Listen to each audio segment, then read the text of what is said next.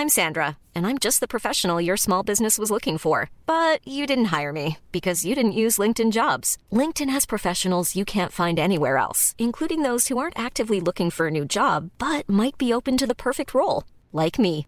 In a given month, over 70% of LinkedIn users don't visit other leading job sites. So if you're not looking on LinkedIn, you'll miss out on great candidates like Sandra. Start hiring professionals like a professional. Post your free job on linkedin.com/people today. Mom deserves the best, and there's no better place to shop for Mother's Day than Whole Foods Market. They're your destination for unbeatable savings, from premium gifts to show-stopping flowers and irresistible desserts. Start by saving 33% with Prime on all body care and candles. Then get a 15-stem bunch of tulips for just $9.99 each with Prime. Round out Mom's menu with festive rosé, irresistible berry chantilly cake, and more special treats. Come celebrate Mother's Day at Whole Foods Market. Hey, it's Ryan Reynolds, and I'm here with Keith, co star of my upcoming film, If, only in theaters, May 17th. Do you want to tell people the big news?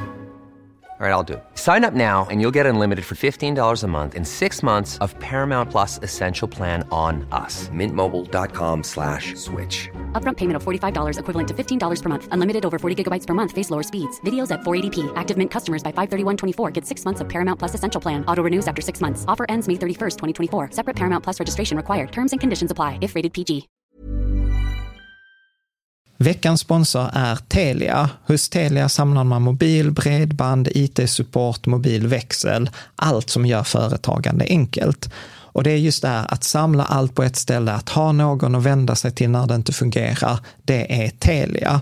Ett exempel på vad som inte är Telia, det är ju som när jag lyckas boka förmötet för en poddinspelning med Finansinspektionen till efter själva inspelningstillfället. Eller när jag här, här året var liksom, fick för mig att jag skulle börja springa, så jag är liksom ute och springer taggad, träffar en kompis som säger så här, du Jan, på måndag ska jag springa ett lopp. Och jag känner så här, ja men det låter inspirerande, så jag käkar pasta, jag byter om, tar mig ner till Malmö stadion för att göra en efteranmälan, står där i kön och sen så när jag liksom anmäler mig så tittar de på mig och säger så här, du Jan, vårhuset är bara till för kvinnor. Och eh, det var, det var typisk en situation som inte är Telia. Oavsett, ett stort tack till Telia som sponsrar, gör Rika Tillsammans möjligt, men framför allt tack till dig som lyssnar, följer och eh, hänger med oss varje vecka. Gud vad det måste hända många hemska grejer, inte bara att Ulf dör, utan, och sen kommer du inte kunna bo kvar. Liksom, så här, liksom, det är, är, är detta vanligt? Alltså detta måste Tyvärr, tyvärr så är det det. Du lyssnar på Rika Tillsammans-podden som handlar om allt som är roligt med privatekonomi. I den här podden får du varje vecka ta del av konkreta tips, råd, verktyg och inspiration för att ta ditt sparande och din privatekonomi till nästa nivå på ett enkelt sätt. Vi som gör den här podden heter Jan och Caroline Bolmesson. Idag eh, är det dags för bonusavsnitt 12 som är ett samarbete med NK Pupillkassan. Mm. Och det är egentligen så här att vi skulle spelat in avsnitt 182, eh, men detta är lite så här precis innan jul. Och eh, vi har ju liksom jobbat med att uppdatera hemsidan. Mm. Så att det har ju varit mycket jobb med att liksom göra om så nya ränta på ränta-kalkylatorn. Vi har gjort här ekonomisk frihet, FIRE-kalkylator, så att man så kan... man kan se om det tar 25 år eller 6 år Ja, men att du bli kan säga, ekonomiskt precis, fri. Ja, men precis. Så här, man kan mata in eh, så här, liksom, hur mycket pengar har jag idag, hur mycket pengar behöver jag för att vara ekonomiskt fri? Och sen kan man dra i sådana här reglage och, och så visar den så här, ja, eh, 25 år, 3 månader och 22 dagar. Den kunde räkna sekunder och timmar också, men där kände jag att det var så här overkill. Eh, Men i alla fall, oavsett vilket, det, har varit, det är väldigt mycket jobb med liksom så här uppdatera så här, eh, sammanfattande artiklar, eh, till exempel vad är så här sparande till barn på bästa sätt, sparande till pension håller vi på med, etc. Så att därför har vi faktiskt satt oss friheten att, åter, att publicera faktiskt en, en intervju vi gjorde i somras. Ja, det gjorde vi. Varför har vi inte publicerat den innan då? Hur kommer det sig att den kommer nu? Jag vet inte, det där har nog varit så här, du vet, dåligt samvete. Eh, vi spelade in den och sen så gjorde vi, hade vi liksom ett annat tema och sen rann det ut i sanden och sen skämdes jag att jag inte hade publicerat den.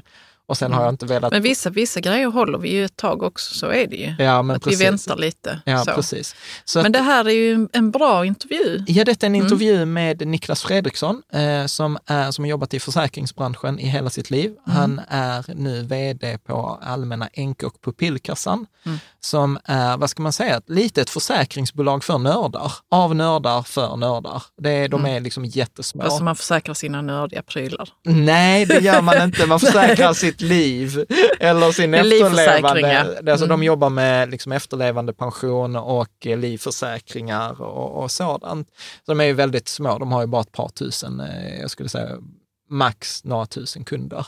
Och eh, jag, ett gammalt bolag. Ja, det är Mm. roligt. Jag träffade ju Lena Sjölin som var vd där innan för många år sedan, för att jag har varit kund sedan typ 2000, vi har varit kunder sedan 2011 där, det är ju där vi har en del av våra livförsäkringar. Och eh, då sa hon så här, så frågade jag så här, ja, men hur har året gått? Och hon sa ja alltså vi, det har- går ju ganska bra för oss. Alltså vi hade ju ett dåligt år där 1799, men sen efter det har det gått ganska bra. Och jag tyckte ändå så var ganska kaxigt. Och sen, sen så pratade jag med, tror jag, med Niklas och sa han också så här, eh, jag tror jag ställer den frågan i den här intervjun, så här, är det sant att Bellman sökte jobb på Allmänna Enkel på Pillkassan? Och det har han tydligen gjort. Ja, Sen- de har ansökningsbrevet. de har Ja, ansökningsbrevet. men han fick inte jobbet. Det var väl eh, så att han inte var, skötte sig eller någonting. Jag Ja. vet inte, vi tar upp det i intervjun i alla fall. Ja. Så att eh, detta blir ju liksom en intervju där vi pratar om olika scenarion och det hänger ihop med ett avsnitt som vi gjorde liksom lite tidigare år, just om testamente Ja. och sådant. Så att detta är lite allmänbildning, eh, lite bra att tänka på och sen tycker jag faktiskt att den livförsäkringen de har tål att jämföras med, för att det är faktiskt så att den, är, den ser till synes dyrare ut när man tittar på den.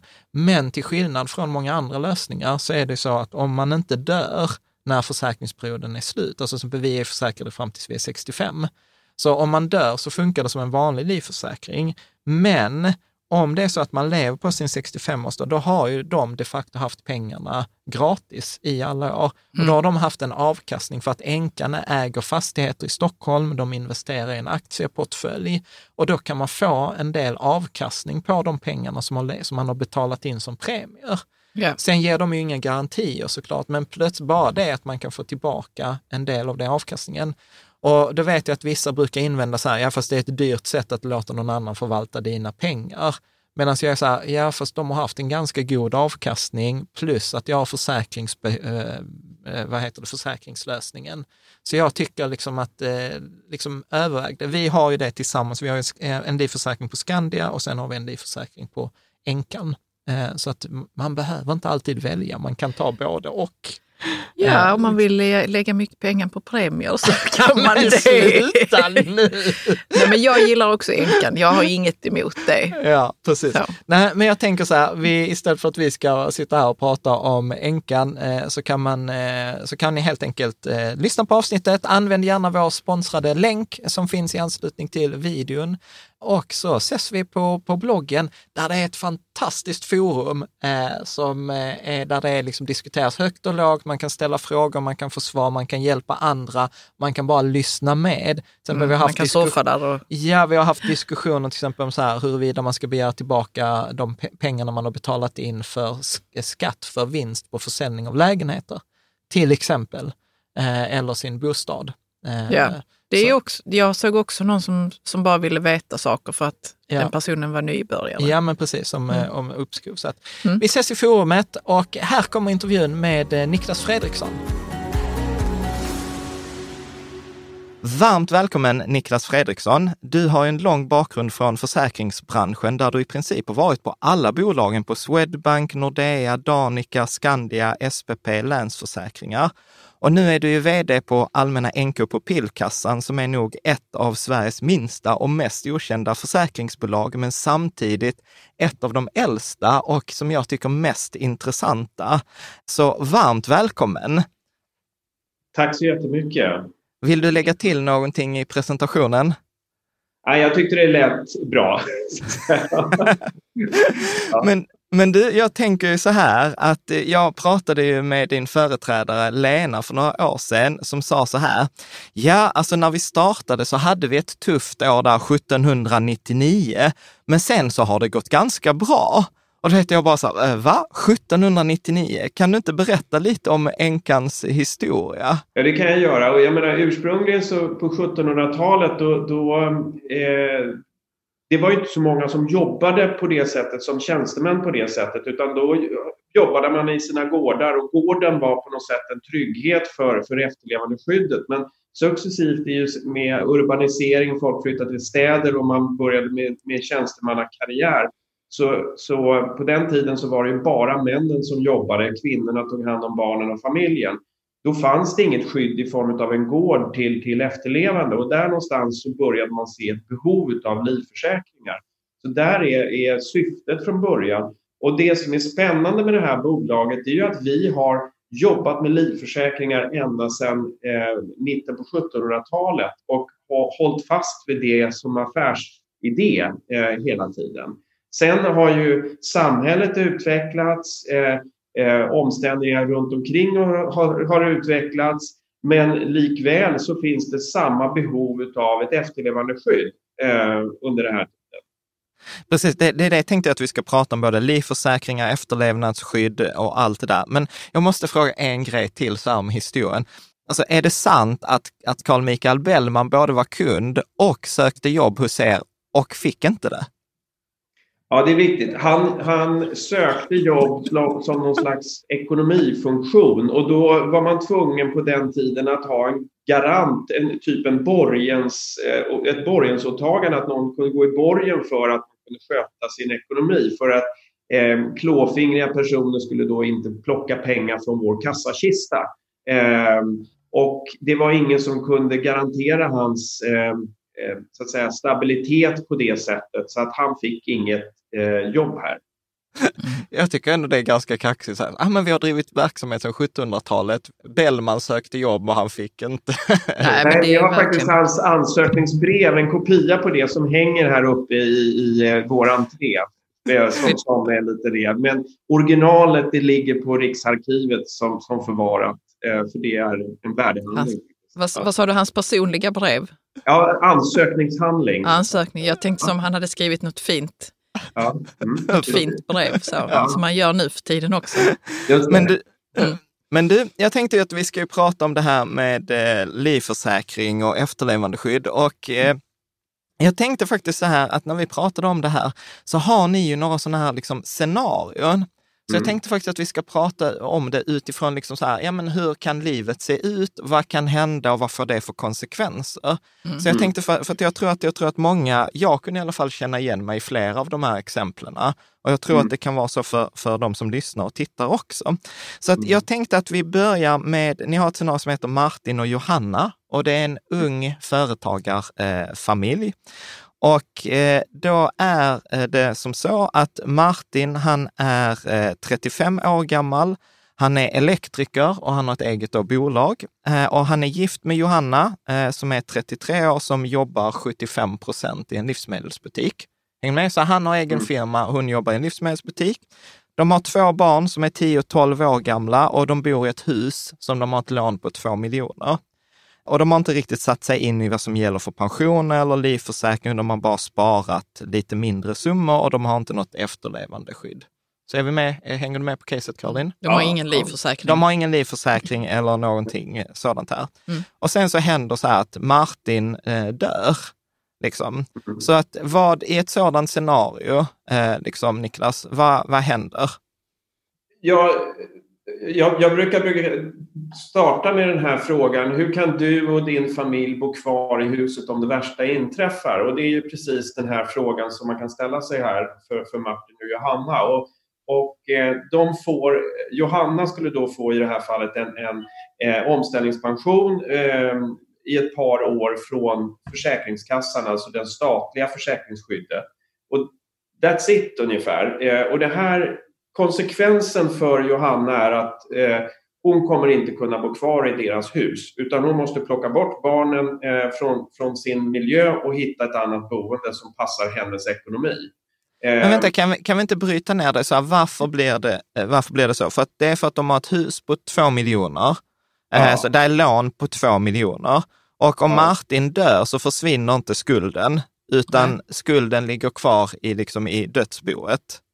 eller hur? Ja, precis. För de är solidariskt ansvariga för det här lånet, de två. Så. Ja. Så då sitter Johanna ensam kvar med lånet och kostnaderna för huset. Mm. Eh, och, och, sen då får eh, hon ett ekonomiskt stöd i ungefär två år, en omställningspension från Försäkringskassan. Eh, är det det som kallades för änkepension innan? Ja, just det, precis. Och nu kallar man det för omställningspension, att man ska kunna ställa om sin ekonomi. Eh, ett, ett, basskydd på det sättet. Ja. Vet du hur stor den är? Hur mycket pengar det rör sig om? Eller är det liksom beroende på hur, vilken inkomst man har haft och så? Ja, det, det gör det. Och, så jag har inte exakt summan i det här fallet i huvudet. Eh, men, men det handlar inte om några stora eh, pengar så att säga på det sättet. Utan, eh, det, det ersätter liksom inte Martins lön? Nej, det gör det inte. Nej, långt härifrån. Eh, och sen får barnen en, en barnpension då som, som eh, räcker då i, i eh, fram till barnen är 20 eh, år. Eh, mm. Så, så, att en, en barnpension i åtta år och en barnpension i tio år. Så att säga. Och de är också små i förhållande till, till eh, Martins inkomst på det sättet. Mm. Så, så att där, där handlar det liksom så att hon kommer liksom inte ha, ha, kunna bo kvar, omställningspensionen blir låg, barnen får en liten summa eh, pengar. Vet du hur mycket den är, barnpensionen? Nej, jag har inte den i huvudet.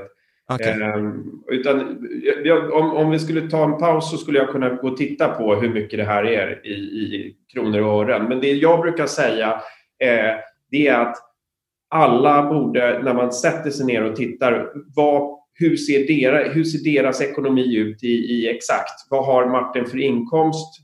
Mm. Vad blir den här barnpensionen? Hur mycket räcker den till? Eh, och, och, hur mycket pengar blir det i den här familjesituationen? Och alla de här siffrorna är unika för respektive familj. Mm -hmm. Ja, men jättebra, men då gör jag så här att eh, vi, vi kan ju lägga ut en länk eller lägga ut några typexempel. Eh, kan vi mm. lägga ut i samband med artikeln så kan, vi, så kan man ju gå in och kolla så här, om man har typ 30 000 i månaden. Så det är ja, som att man får se exakta siffror. Ja, då, precis. Så vad, vad skulle de ha gjort istället? Ja, men det man skulle kunna göra då det är ju att man, man antingen tecknar då, vi, vi har två typer av försäkringar kan man säga. En som är ett engångsbelopp som faller ut i form av en livförsäkring som då skulle kunna täcka av det här lånet så att lånet blir betalt av försäkringen och då, har man liksom, då äger Johanna huset.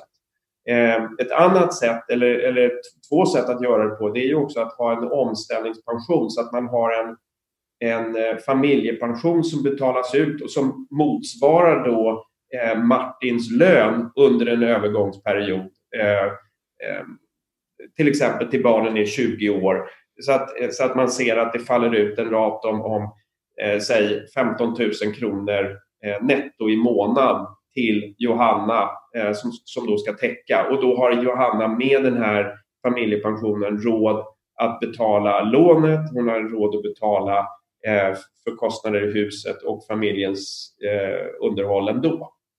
Är, är det det som är skillnaden då mellan, eh, vad kallar man det då, livförsäkring som är då engångsbelopp och efterlevande pension som är att det blir som en, jag vet inte, månadslön, men alltså ett månatligt bidrag? Ja, precis. Och vi, vi brukar kalla det för familjepension eller en omställningspension. Alltså du kan, det finns olika begrepp på det här, men antingen får du ut det som ett engångsbelopp eller så får du ut det som en, en eh, ett belopp i, i rater, att ersätta en lön helt enkelt så du får ut det månadsvis. Och det beror på lite grann hur man ser att eko ekonomin skulle se ut i det enskilda familjefallet på det sättet. Bra. Känner du att du hänger med, Karo? Ja. Ska vi ta nästa eh, scenario? Ska vi ta pensionärsparet Ulf och Karin? Mm. Ska du läsa, Caroline? Okej, Ulf, 68 och Karin, 66 år, har varit gifta i 20 år. Ulf slutade arbeta för fyra år sedan och har redan tagit ut en hel del tjänstepension. Han har en så kallad tiotaggarlösning, ett alternativ till ITP2 för födda före 1978 som tjänar över 10 inkomstbasbelopp per år och har därför avstått från familjepensionen. Karin har lägre pension och får utfyllnad med garantipension. Tillsammans äger de en villa och ett fritidshus som är obelånade. Det finns inget testamente. Både Ulf och Karin har ett barn var sedan tidigare relationer. Ulf avlider. Vad händer? Så är det så här, han har valt att förvalta pengarna själv. Han, där är inget familjeskydd. Mm. Eh, det är väl det som är det relevanta. Ja. Okej, och sen så hade de då en villa och ett fritidshus som var obelånat. Mm. Så att, bra. Så okej, så då händer att Ulf dör. Varför är det alltid mannen som dör? inte. Men, Men, vad, men Karin hade inget... Eh, hon hade barn sedan tidigare. ja. Men, och Men hon, hade, och, nej, hon hade inte så mycket, hon hade en ganska låg pension och hon Mm. hade dessutom garantipension. Då är det inte mycket pengar Nej. som man får. Nej. Så vad, vad händer eh, där? Eh, ja, men för det första är det så att makar ärver inte varandra och eh, har man då inte gemensamma barn, för det normala är om man, eller normala är det ju inte längre, men eh, har man gemensamma barn, då övergår liksom eh, eh, makens tillgångar till, till den efterlevande, eh, hustrun eller, eller mannen beroende på vilken som går bort först. Man sitter i så kallat orubbat bo. Eh, men om man har barn eh, på varsitt håll sedan tidigare, då blir det egentligen att man, man bodelar, precis som att man skulle göra en äktenskapsskillnad mellan Ulf och Karin. Och så delar man upp det här. Och sen ärver eh, Ulfs barn Ulf vid, eh, i samband med döds... Vid, vid, när han avlider. Eh, och Karin eh, sitter kvar med eh, sin andel, precis som om hon, hon och Ulf skulle ha skilt sig, så att säga, på det sättet. Så hon, Eh. får, så hon får typ hälften av Ulfs tillgångar och den andra hälften får barnen. Ja, just Hans det. barn. Precis, för man gör ju en bodelning precis som man gör en äktenskapsskillnad där eh, först. Eh, och så, och då, då Ulfs del går direkt till Ulfs barn eh, eftersom det inte finns något testamente. Så det kan också innebära så att hon skulle liksom säga att det där huset är värt mycket pengar. Så då och så säger, men så vi bara leker med tanken att det är värt 9 miljoner och fritidshuset är värt en, så det är 10 miljoner i tillgångar. Då ska alltså Mm. barnen ha, liksom den uh, Ulfs son eller dotter ska då ha 5 miljoner kronor av Karin. ja, för att hon ska kunna ha kvar huset och fritidshuset. Ja, hon, hon måste köpa ut Ulfs barn. Från, För 5 från- miljoner. För 5 miljoner. Ja. Och, det, Och så har det, hon här, inte de pengarna så, kan, så, så måste hon så att säga då sälja av en del av den här egendomen för att kunna betala ut eh, Ulfs andel på det sättet. Alltså detta låter, du vet för mig, så här, jag fattar att det är så här, it makes sense också, men å andra sidan, alltså, fan, så jag bara liksom har lärt mig de här senaste två veckorna, gud vad det måste hända många hemska grejer, inte bara att Ulf Ja. dör, Mm. utan, och sen kommer du inte kunna bo kvar. Nej. Liksom, Nej. så här, liksom, det, är, är, detta vanligt? Alltså detta måste ju- Tyvärr, tyvärr så är det det. Eh, vi har noterat just nu faktiskt i samband med den här coronakrisen att det är fler som har börjat eh, fundera i de här termerna, skriver testamenten och undrar vad är det som händer i olika situationer. Eh, men, men någonstans så tycker jag att, att eh, det är jättebra att vi har det här samtalet och, och eh, att göra folk uppmärksamma på vad som kan inträffa för att på något sätt att kunna få sörja i fred utan att behöva direkt känna en oro. Oh, det är inte nog med att, att Karin mister sin man utan hon måste dessutom ha en oro. Ha, måste jag sälja mitt hus nu? Måste jag sälja mitt fritidshus? Hur ska jag klara av att betala det här? Ja, de, den oron, släpp den och, och fokusera egentligen på, på att få sörja sin man i, i fred, om man får säga så. Ja, ja. Nej, jag bara tänker så här, shit, du vet hon ska ju casha upp fem miljoner kronor. Alltså så här, Ja, du vet, till och med, jag tror till de med, flesta inte har möjlighet. Nej, och till liksom. och med du vet, om de hade haft kontanter så tar de ju hälften av kontanterna. Mm, också. Ja, Mm. ja gud. Eh, så vad skulle de gjort? Ja, men och sen så då eftersom den här tiotaggarlösningen, det innebär ju för att har fått göra en sån så har Ulf haft en ganska hög inkomst. Det är inte alla som får göra ett sånt här val, vilket säger också att Ulf har antagligen tjänat bra med pengar och med tanke på hur, hur Karin beskrivs i det här exemplet med en lägre pension så har hon antagligen jobbat deltid under perioder, hon kanske varit hemma med barn och gjort sådana saker. Det vill säga Ulf har haft en bra inkomst, en bra pension och Karin har en betydligt lägre. Eh, inte helt ovanligt när man ser personer som är i den åldern som de här är. Mm. Eh, och skulle man ha, ha planerat här så finns det ju två saker man skulle kunna ha gjort. Det ena är ju att beskriva ett testamente, hur man vill ha det. Eh, och då kan man då jobba med det här. Eh, man kan aldrig liksom plocka bort laglotten från, från Ulfs barn, men man har möjlighet att testamentera till sin efterlevande för att kunna ha kvar en del av de här eh, pengarna. Men också så skulle man kunna då teckna en livförsäkring eller ett, ett efterlevandeskydd som gör att Karin får pengar för att lösa ut Ulfs barn eh, om han avlider. Eh, mm. och, och, som vi har i, hos oss så kan du ha livförsäkring ända upp till 80 års ålder. Inte med eh, hur höga belopp som helst, men, men fram till 70 så kan du ha höga försäkringsbelopp för att täcka den här typen av situationer. Och där skiljer ni er från, från en hel del andra försäkringsbolag. Ju. Vad, vad brukar det vara? Att man, eh, vilken ålder brukar liksom vara sån här cut-off? Vet du det? Ja. När man ja. inte längre får ha livförsäkring? Ja, men många har ju, och där är också en viktig sak det här som vi kan gå tillbaka även till förra exemplet, att titta på hur ser det ut i, i den enskilda situationen? För många säger, ja men jag har ju någon, någon livförsäkring via facket eller jag har någon livförsäkring på det sättet. De är oftast så kallade grupplivförsäkringar och de slutar oftast vid 65 års ålder.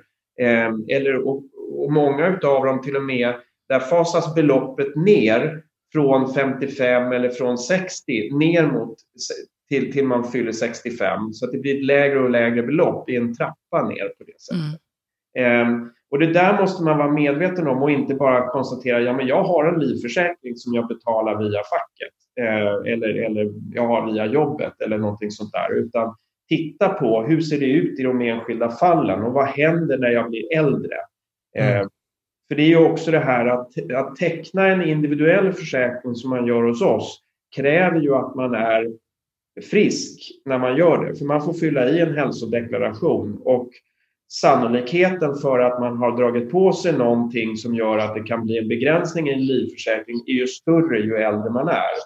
Mm. Så, det, så därför ska man göra sånt här i god tid eh, mm. och, och, inte teckna när man är 60 plus. Det är, min, det, är min, det är större risk för att man inte får en försäkring då kan man säga. Mm. Mm. Gud, alltså jag bara inser så att det är sjukt mycket jag inte kan. Och då tycker jag ändå att jag är ganska insatt i det här. I försäkringar, ja. ja. Nej, men, ja, men, du älskar ju försäkringar. Ja, jag vet. Men jag, tänk, jag tänker så här, det, det, första jag tar med mig här är att jag har ju personligen tänkt mycket på livförsäkring. Så, här, så länge barnen är små och liksom, eh, att det är den... Att det är då det, det behövs. Det, det, är då det behövs. Mm. Jag har liksom aldrig tänkt att en livförsäkring kan vara relevant för någon som är 65, där barnen är utflugna. Än med, för då har jag ju tänkt så här, ja men då är barn, då har man löst det. För jag har aldrig tänkt på att Ja, men om Då har man, man betalat ner huset. Ja, men precis. Ut, ja. precis, utan mm. jag har aldrig tänkt på det här scenariot att liksom, har man då barn från ett annat eh, tidigare äktenskap så blir man ju tvungen att köpa ut dem. Mm. Det, det, det, är så här tanken jag aldrig har Nej. slagit. Sen vill jag bara dubbelkolla, när vi pratade på det här testamentet, så jag lärde mig rätt detta förra, det var nämligen så här, förra avsnittet pratade vi med en jurist, så då, då var det så här genomgång. Eh, så om, om jag skriver testa, Ulf skulle kunna skriva ett testamente och om vi har då de här 10 miljonerna, så 5 miljoner kommer gå till, vad hette hans fru? Eh, Karin. Karin. Mm. Och men sen av det som skulle gå till barnen, så kan han, hälften av det som går till barnet kan gå till Karin. Är det inte så? För du kan inte göra barnen arvslösa, men du kan dela upp barnens lott i hälften. I hälften. Mm. Att man har bara laglig rätt till hälften av hälften. Liksom, i detta fallet. Mm. Ja, men titta Caroline, det, mm.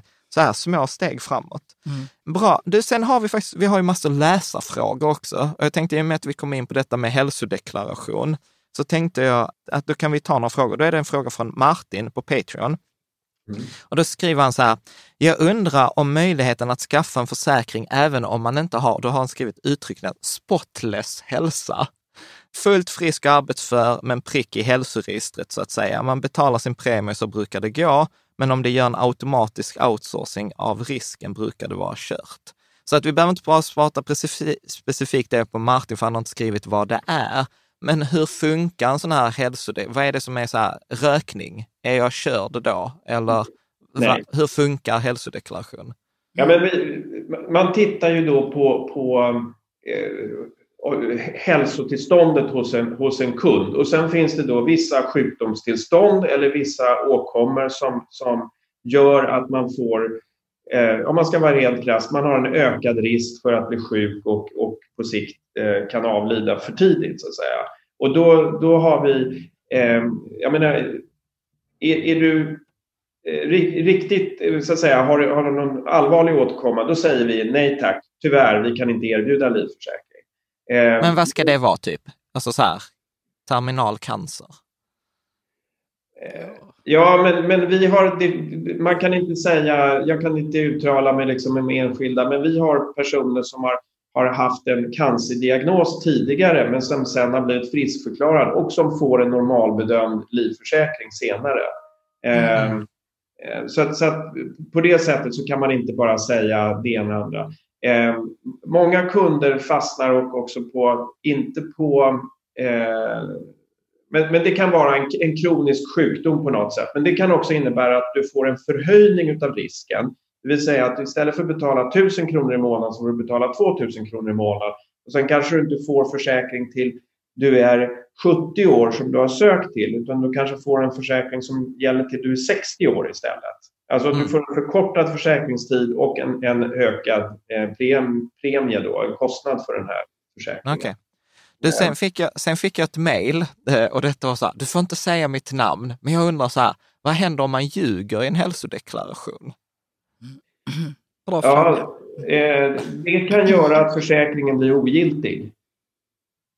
Det måste uppdagas också då att man har... Ja, det måste, upp, det måste mm. uppdagas. Eh, och, alltså, vi, jag vill vara tydlig med att vi avråder från ja, det, det men det var ändå en spännande fråga. Jo, men, det, ja, och det, och det, men det innebär ju att då blir det ett avtal, för vi ingår ju ett avtal med kunden och kunden intygar att det man har skrivit är sant. Och mm. om du då ljuger och då intygar du inte sant, om det kommer fram att det här var felaktiga uppgifter, då, då kan det här avtalet så att säga bli annullerat eller ogiltigförklarat i värsta fall. Så att säga. Mm. Um, och, na, det säger vi. och det är samma sak. Jag fick frågan faktiskt i förra veckan av en kund. Ja, men jag gick ju bara, jag har bara gått hos naprapaten eller vi, vi, frå, vi har ju någon sån fråga och så tycker jag, men, ja, men det var ju inget allvarligt. Nej, men skriv i det för att är det så att, att det är inte något allvarligt, då, då påverkar det inte försäkringens eh, innehåll eller premie på något sätt. Eh, men däremot om du håller undan med saker för du själv tycker inte det är allvarligt, eh, då har du faktiskt inte intygat sant. Det är jätteviktigt det här. Mm. Mm. Och sen eh, så tar vi, tänkte jag så här, behöver man uppdatera den här hälsodeklarationen? Till exempel jag och Karo, vi har ju varit kunder hos er sedan 2012. Jag tror inte vi har fått någon ny hälsodeklaration. Nej. Utan det, har man en gång gjort den och fått sin försäkring så, så bör man inte uppdatera den. Nej, och, och, det är så som det funkar här hos oss. Att du, du kliver in, du får din försäkring med den hälsodeklarationen du gjort. Om du sen vill öka eller teckna en ny försäkring, då kommer du fråga efter en ny hälsodeklaration. Och då kan det ju vara möjligt att det har hänt någonting under den här tioårsperioden eller femårsperioden sedan du tecknade den förra försäkringen som gör att den nya försäkringen få någon begränsning eller, eller någon förhöjning. Men den gamla försäkringen påverkas inte utan det är lagt kort ligger där. Mm. Mm. Ja, när vi ändå är inne på hälsodeklaration, är det något mer vi borde fråga kring hälsodeklarationen? Så här vanligt misstag eller missuppfattning? Nej, men den, den viktigaste medskicket är som jag sa, eh, ta med de saker som vi frågar efter och, och vara ärlig. För det, eh, allting som inte är att vara ärlig kan göra att avtalet blir ogiltigt i nästa skede. Så det är jätteviktigt att eh, mm. eh, göra det här på, på ett bra sätt för din egen skull. Ja. Bra. Var det något mer på det om vi hoppar tillbaka till Ulf och Karin? Var det, vad skulle de, jag tror inte vi tog vad de skulle ha gjort. Han skulle ha tecknat en, en livförsäkring, för det sa vi, för det kunde han ha fram till han är 80, så att Karin skulle kunna lösa ut hans barn. Är det något mer de skulle ha gjort? Ja, men jag skulle nog titta på vad händer nu och sen skulle jag nog kanske också rekommendera dem att prata med en jurist för att se om man skulle skriva ett testamente. Mm. Ja, bra. Ska vi ta nästa? Hade nästa... vi något scenario till? Ja, vi har flera ja, stycken. Mm. Är, det, är det något du saknar? Nej, nej, jag är nyfiken på scenarierna för jag tycker de är så bra och illustrativa så man kan prata mycket kring dem och få mycket matnyttigt. Ska du ta Albin och Emma? Ja. Albin och Emma är sambo, båda är 32 år. De har köpt en bostadsrätt tillsammans för 3 miljoner kronor och har ett gemensamt lån på 2,5 miljoner. Bostadsaffären gick snabbt och paret trodde de skyddade sig när de tog ett bolåneskydd via banken. Ingen av dem har skrivit testamente. Emma avlider. Mm. Så, så vad händer? Mm. Ja, här har vi nästa situation där faktiskt sambos ärver inte varandra överhuvudtaget. Utan eh, då, då kliver det här bolåneskyddet och löses ut och då, då har ju eh, fungerar det så att eh, de är två stycken på lånet så halva lånet betalas av av det här bolåneskyddet. Så att Emma sitter kvar med, med eh, halva lånet på 1,25 miljoner kronor. Och, så detta var smartare än det första scenariot vi hade med Martin och Johanna? Ja, eh, precis. Så, att, så, att, okay, så, då, då så vi... Albin är den som, eh, förlåt, Förlåt, nu blev jag förvirrad. Men Albin sitter kvar med 1,25 bara. Ja, precis. Och bolåneskyddet tog Emmas del. Ja, som var, var hälften av mm. lånet på 2,5 ja. miljoner. Perfekt. Mm. Och eh, sen är det då här att, att då, då kliver då nästa steg in att då är det ju eh, det är, de, här, de här ärver inte varandra så att säga utan då får man titta på Emmas, vilka ärver henne? Och det, i det här fallet så är det Emmas bror. Hon har en bror eh, som ärver henne. Så då kliver Emmas bror in och så säger jag vill ha Emmas andel av den här lägenheten och den har stigit i värde så den är värd 3 miljoner kronor nu och då vill jag ha ut en och en halv miljon. Ah, nej. Så man tänker så här, nu har de gjort rätt, de har ett bolåneskydd, men det skiter sig i alla fall. Ja. ja. men det känns så sorgligt på något vis. De har försökt att, att ja, göra det, det de har kunnat. Ja, men det känns ju precis. Mm. Så, så vänta, så att vi, vi reder ut det här nu. Så då är det så här, att eftersom Albin och Emma, eftersom de var, så nyckeln här är att de är sambo, att ja. de inte är gifta. Så och eftersom de är sambo så löste banken, eh, nej det hade inget med att de var sambo eller inte nej, att göra. Det var för att det var ett bolåneskydd. Ja. Men då är det ju så att Emmas bror, eftersom de inte är gifta, då ärver han hälften, mm. eh, allt från Emma va? Ja, precis. Eh, och om det var ett samboavtal, det spelar ingen roll? Jo, det är ju det som kan komma in där. Att, eh, så att skulle de skriva då ett samboavtal, då skulle de kunna skriva i det samboavtalet och då skulle man då kunna likställa dem med eh, ett, samboskapet med ett äktenskap utifrån en arvssituation. Eh, så mm. då skulle så att säga Emma få ta, ta över och, eh, eller förlåt, i det här fallet så är det Albin då som, som får, får det som Emmas bror annars skulle fått. Så att säga. Mm. Så, men om de hade varit gifta, då ja. hade inte Emmas bror ärvt någonting? Nej, utan då hade Albin fått ta, ta allting så att säga efter Emma. Ehm, och sen då i, i, nästa skede när Albin hade gått bort och båda är borta, då sker den här arvsfördelningen och då kommer Emmas arvingar in i det skedet istället. Aha. Mm. Ja. ja, gud vad, så här, precis som du säger, så här, shit vad jobbigt. Alltså så här, du vet, mm. man tänker att man gör rätt och så... så gjorde man bara hälften. Och så men, gjorde man bara hälften. Men, och det, och det, och det, och det, är rätt lätt hänt också att när man nu tänker så här, ah, men vi kanske borde skriva samboavtal och testament, så kan man göra lite för mycket också kanske?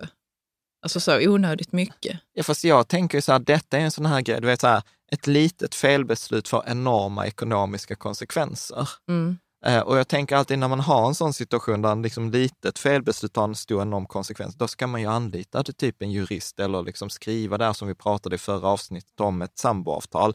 Eller, det var roligt, eh, för det sa ju min mentor för många, många år sedan, Klas-Erik, när, vi, när jag och Karo inte var gifta, så sa han så här, ja ni måste vara rika. Och jag var så här, då hade vi inga pengar, så vi fattade aldrig vad han menade. Han sa, ja men så mycket pengar ni måste lägga på jurister för att få samma sak som om ni hade, om ni hade varit gifta. Ja. Så han var så här, okej, okay, men bara gift er för, om inte annat, bara för det juridiska skull. Och vi var så här, gud vad oromantiskt. Medan nu inser man liksom så här att nej, där är ju ganska mycket så här lagligt skydd som kommer med att man är gift. Mm. Liksom. Mm. Men eh, Niklas, vad skulle de mer kunna göra? Är det någonting mer du tänker?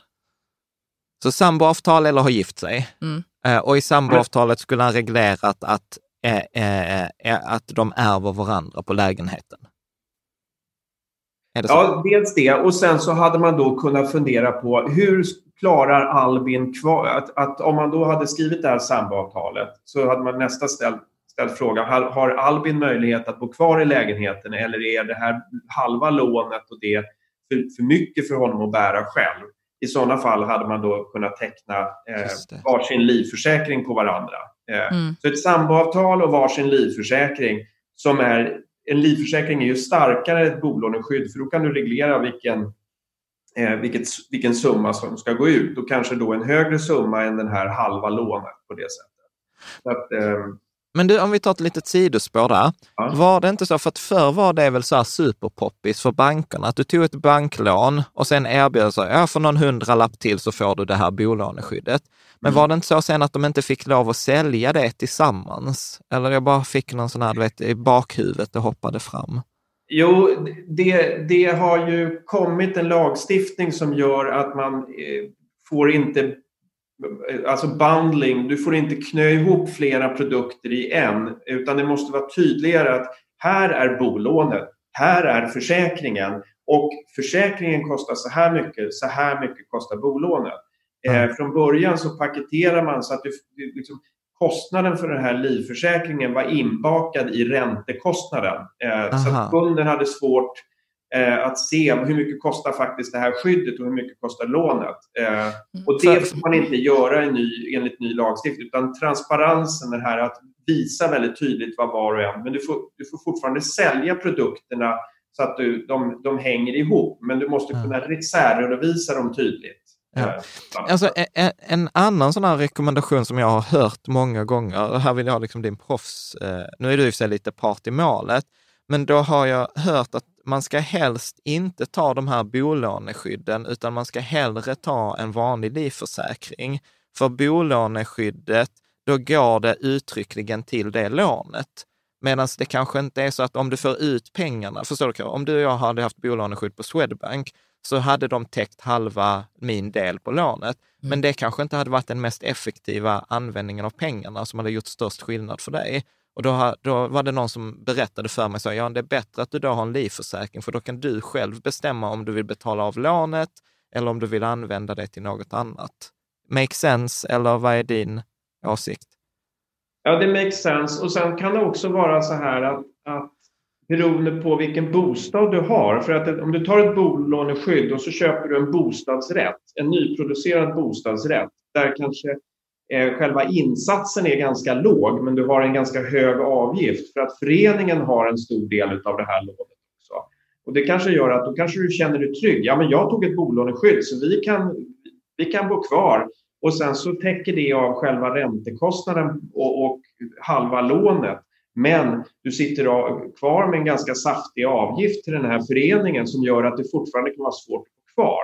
Ehm, så det kan vara en lite falsk trygghet. Och tillbaka till det här, hur ser det, här enskilda fallet ut? Hur ser det ut för, för er två och den bostaden som ni har köpt? Ehm, för det kan ju också vara så att man har köpt ett, ett hus med en låg insats men det kanske kräver mer i driftskostnader eller någonting annat som gör att, att huspriset har varit lågt och så har man ett lågt lån. Men det kanske kostar mycket att, att, att driva och, och, äga det här huset. Eh, hur funkar det? Och sen också det här, titta på vilka inkomster har det här paret när man, när man gör den här lösningen? Är det en som har hög inkomst och någon som har låg inkomst eller har man lika mycket? Eh, vad är det egentligen som man behöver skydda eh, i det här fallet? Är det lånet eller är det inkomsten eller är det vad är det för någonting? Ja. Jag gillar ju det där som du säger jättemycket, att jag brukar säga många gånger så är det svårare att komma på de bra frågorna. När man väl har frågan så är svaret ganska enkelt. Och så det här är du ju redan inne på, så här, i, i, liksom så här, i bara förbigående så säger du sådana bra frågor. Så den ena är så här, vad händer om, liksom frågan jag kanske borde ställa sig, vad händer om jag dör, respektive vad händer om du dör? Nummer två, eh, fråga då, okej, okay, vad händer då med eh, lånet? Är det som du säger, är det viktigast att betala av lånet eller är det viktigaste att kunna ha omställningen? Alltså precis, är det driftkostnaderna på huset, alltså att man specificerar boendet? Och sen tror jag, som du också var inne på innan, att omställningen, för att om min lön försvinner så är det ju en ganska, det är ju liksom hälften av våra inkomster. Och då bör man också ställa sig frågan då, behöver vi täcka det bortfallet i lön för som du säger, omställningspensionen som man får från staten täcker ju inte i närheten av min lön. Har jag, har jag fått med de viktiga frågorna? Är det någon mer sån fråga man ska ställa sig? Nej, det är ju en, det är en relevant fråga. Och, och sen så tillbaka till det här, hur, är, är ni gifta eller är ni sambor? Vem, vem ärver? Ja. Vem, vem ärver, ja. Och sen tycker jag en, en viktig del i det här också, det, det är det här med Eh, vad har man för övrig för, försörjningsplikt? Har, har man, eh, betalar man underhåll för barn? Eh, hur många barn som är hemmaboende och hur länge kommer de vara kvar? Eh, det är också sådana här frågor. Finns det pengar på annat håll? Är det någon som har en aktieportfölj någonstans? Mm. Eh, blanda ihop. Men, men eh, det är några enkla frågor eh, och jag, jag, tänker så här också att ibland så kan det kännas som att oj, det här är oöverstigligt svårt att hantera. Nej, mm. det är det inte. Det, det, finns jättebra hjälp att få eh, på olika ställen och, och skriva ett sånt här samboavtal, att skriva ett testamente eller någonting sånt där. I vanliga fall så är det ganska enkelt och det kräver ett par timmar med en jurist för att få ett riktigt bra eh, lösning. Eh, mm på det hela. Så det, det inte, handlar inte om att man behöver investera jättemycket pengar i rådgivning och juristhjälp för att få det här på plats. Utan eh, man kan göra det ganska enkelt. Men, men man, det är bättre att göra det när man köper huset eller när man får barn eller när man gör det än att komma på det eh, långt senare i livet. Ja, precis. Precis. Bra. Ska vi ta, vi har två scenarion till. Ska vi, mm. ska vi ta dem? Tar du det, John? Mm. Ja, då har vi eh, scenariot här med en ensamstående förälder. Så då har vi här Linda. Hon är 29 år gammal. Hon är ensamstående med två barn som är fem och sju år. Och Linda och hon har en syster Mia som står varandra nära och Linda vet att om något skulle hända med henne så kommer liksom, eh, hennes syster ta hand om barnen. Så Linda arbetar på ett IT-företag och Mia pluggar till läkare. Linda har tjänstepension med återbetalningsskydd, eh, men eftersom hon inte har eh, jobbat så länge så är det inte så mycket pengar på det här tjänstepensionskontot, utan hon har bara en mindre buffert. Så, och, så Linda går bort. Vad händer? Så om vi tar de väsentliga, de är båda unga, hon är ensamstående med två små barn och hon har en tjänstepension med återbetalningsskydd, men där är inte så mycket pengar. Så det är väl nycklarna i detta scenariot. Ja. Så berätta, vad händer? Ja, men det, det, finns väl ett begrepp här som jag tycker kan vara viktigt att reda ut också. Det är det här återbetalningsskyddet eh, som vi nämner i tjänstepensionen. Vad är det för någonting? Ja, det är egentligen det samlade kapitalet som, som eh, har blivit av de här pensionspremierna och dess avkastning som arbetats upp. Så i händelse då utav, av när Linda går bort eh, så om det har, tjänstepensionskapitalet har blivit 150 000 kronor, eh, då är det skyddat med ett återbetalningsskydd och det går då ut till den förmånstagare som Linda har satt in. Ehm, så det är ett återbetalningsskydd och det är beroende på hur mycket pengar som har hunnit betalats in. Ehm, det är ett begrepp. Eh, sen är det här då eh, Ja, barnen de får en barnpension fram till de är 20 år, men barnpensionen den är utformad för att täcka ett barns kostnader, så det är ju några tusenlappar i, i månaden som, som det går ut för det. Det täcker ju inte ett boende för eh, Lindas syster Mia och, och, och, på det sättet, utan det täcker ju för att barnen ska kunna ha Eh, köpa kläder och kunna ha lite aktiviteter och göra sådana saker. Eh, men det täcker ju inte att eh, Mia då som, som pluggar ska kunna då få liksom skaffa sig en, ett, ett boende som funkar med två stycken barn.